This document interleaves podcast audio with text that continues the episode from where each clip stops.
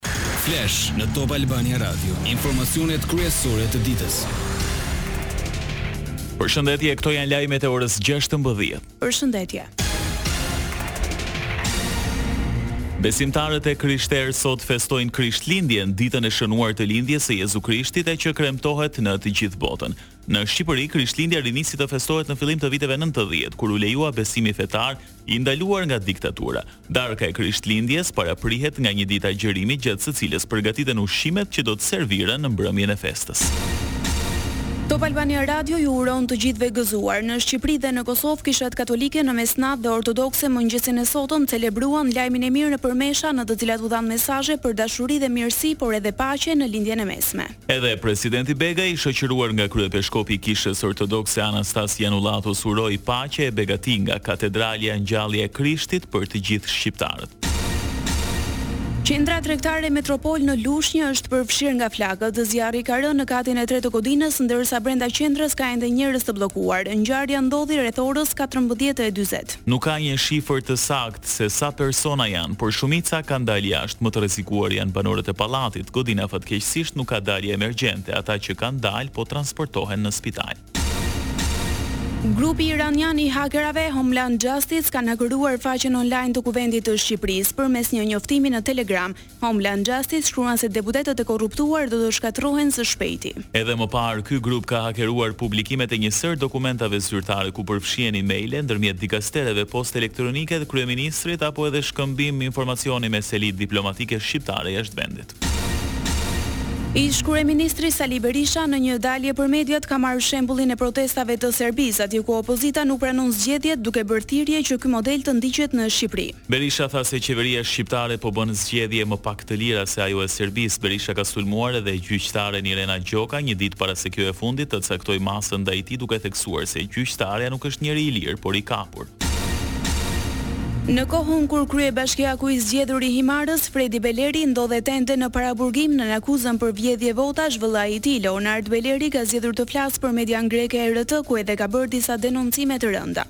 Leonard Beleri pretendon se qeveria e kryeministrit Rama nuk mund të lejojë të humbasë Himarën pasi mund t'i dalin në dritë falsifikimet, ndërsa për rastin e Jorgo Goros mohoi se ka dhënë dorëheqjen. Revista spanjolle Ok Diario u ka bërë thirrje turistëve që të vizitojnë Shqipërinë. Revista thekson se Shqipëria është opsion i mrekullueshëm për vitin dy mijë e njëzet e katër, duke u shquar për bukurinë e saj mahnitëse natyrore, një kulturë dhe një histori unike, e plazhe që duken si një ëndërr. Revista ka theksuar dhe qytetet më të bukura për t'u vizituar si Berati, Gjirokastra, Kruja, Apolonia e të tjerë. Lajmet në internet në adresën www.topalbaniaradio.com. Një tetëmbëdhjetë vjeçar nga Durrësi i dha fund jetës duke u hedhur nga kati i tetë i një pallati në Korçë. Ngjarja ndodhi në orët e para të mëngjesit në lagjen numër shtatëmbëdhjetë të qytetit juglindor, ku i riu dhe disa shokë kishin marrë me qira një apartament për festa. Dyshohet se nën efektin e pijeve alkoolike mund të jetë vetëhedhur nga tarraca e pallatit. Grupi hetimor vijon punën për sqarimin e plotë të rrethanave. Një njëzet e shtatë vjeçare është arrestuar pasi aksidentoi për vdekje një gjashtëdhjetë e dy vjeçar në Vlorë. Ngjarja ka ndodhur ditën e djeshme në vendin e quajtur Ish Kinema Ali Demi. Njëzet e shtatë vjeçarja me iniciale EL duke drejtuar automjetin ka përplasur një shtetas gjashtëdhjetë e dy vjeç, i cili më pas ka humbur jetën në spitalin e traumës në Tiranë. Lajme nga rajoni. Përleshje të dhunshme në Beograd, të paktën tridhjetë e pesë të arrestuar për sulm ndaj institucioneve dhe disa policë të plagosur, dy në gjendje të rëndë. Efektivët u goditën me gurë e sende të tjera. Për të shtatën ditë radhazi, grupi kryesor i opozitës, Serbia Kundër Dhunës, organizoi një manifestim antiqeveritar për të denoncuar mashtrimet e pretenduara në zgjedhjet e shtatëmbëdhjetë dhjetorit. Por tubimi degjeneroi në protestë të dhunshme me mijëra demonstrues që iu drejtuan Bashkisë së Beogradit për ta sulmuar. Shumë persona u përpoqën të kalonin rrethimet e të hynin me forcë në ndërtesë ndërsa u përballën me ndërhyrjen policore. Kundër protestuesve të dhunshëm, policia përdori gaz lotsjellës. Presidenti Aleksandër Vuçiç thirri një mbledhje urgjente të Këshillit të Sigurisë Kombëtare. Vuçiç paralajmëroi reagim të ashpër të institucioneve ndaj atyre që planifikojnë dhe vënë në praktikë sjelljet e dhunshme. Asnjë nga ata që janë përgjegjës nuk do t'i shpëtojë drejtësisë e dënimit legjitim, u shpreh kryetari i shtetit serb. Policia e Kosovës nëpërmjet një njoftimi bën me dije se në veri në Mitrovicë janë sekuestruar mjete të rrezikshme që do të mund të përdoreshin për sulme ndaj Policisë së Kosovës. Sipas policisë me këto mjete do të mund të rrezikohej jeta e policëve dhe qytetarëve në vend. Lajme nga bota.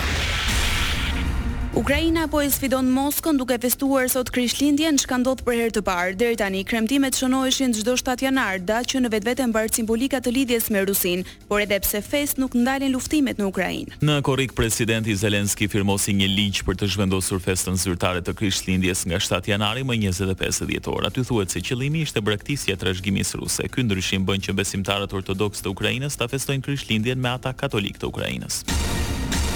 Papa Françesku shprehu keqardhjen për situatën e dëshpëruar humanitare për palestinezët në Gazë dhe bëri thirrje për një armëpushim të menjëhershëm dhe lirimin e pengjeve në mesazhin e tij të Krishtlindjes. Papa bëri thirrje gjithashtu për zgjidhjen e konfliktit izraelito-palestinez përmes dialogut të sinqertë dhe këmbëngulës mes palëve. Izraeli filloi një bombardim dhe pushtim tokësor të Gazës më shtatë tetor, ku njëzet mijë e katërqind persona janë vrarë, kryesisht gra dhe fëmijë.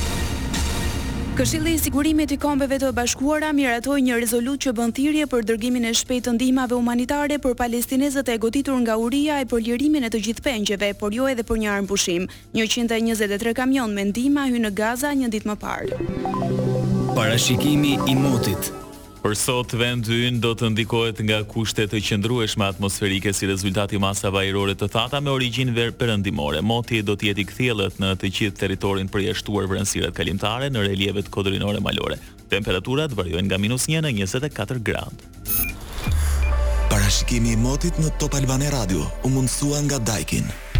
Pompa e ngrohjes Daikin u jep fund shqetësimeve tuaja duke ju plotësuar kushtet komode në shtëpi. Por me Daikin ju kurseni edhe energjinë elektrike sepse efikasiteti energjetik i pompave të ngrohjes është provuar të jetë në nivelin më të lartë. Një zgjidhje e qëndrueshme për ngrohjen, ftohjen dhe ujin e ngrohtë. Komoditet maksimal në çdo kohë të vitit. Kërkoni një ofertë nga partnerët tanë premium për shitje ose mësoni më shumë në faqen tonë të internetit në daikin.al.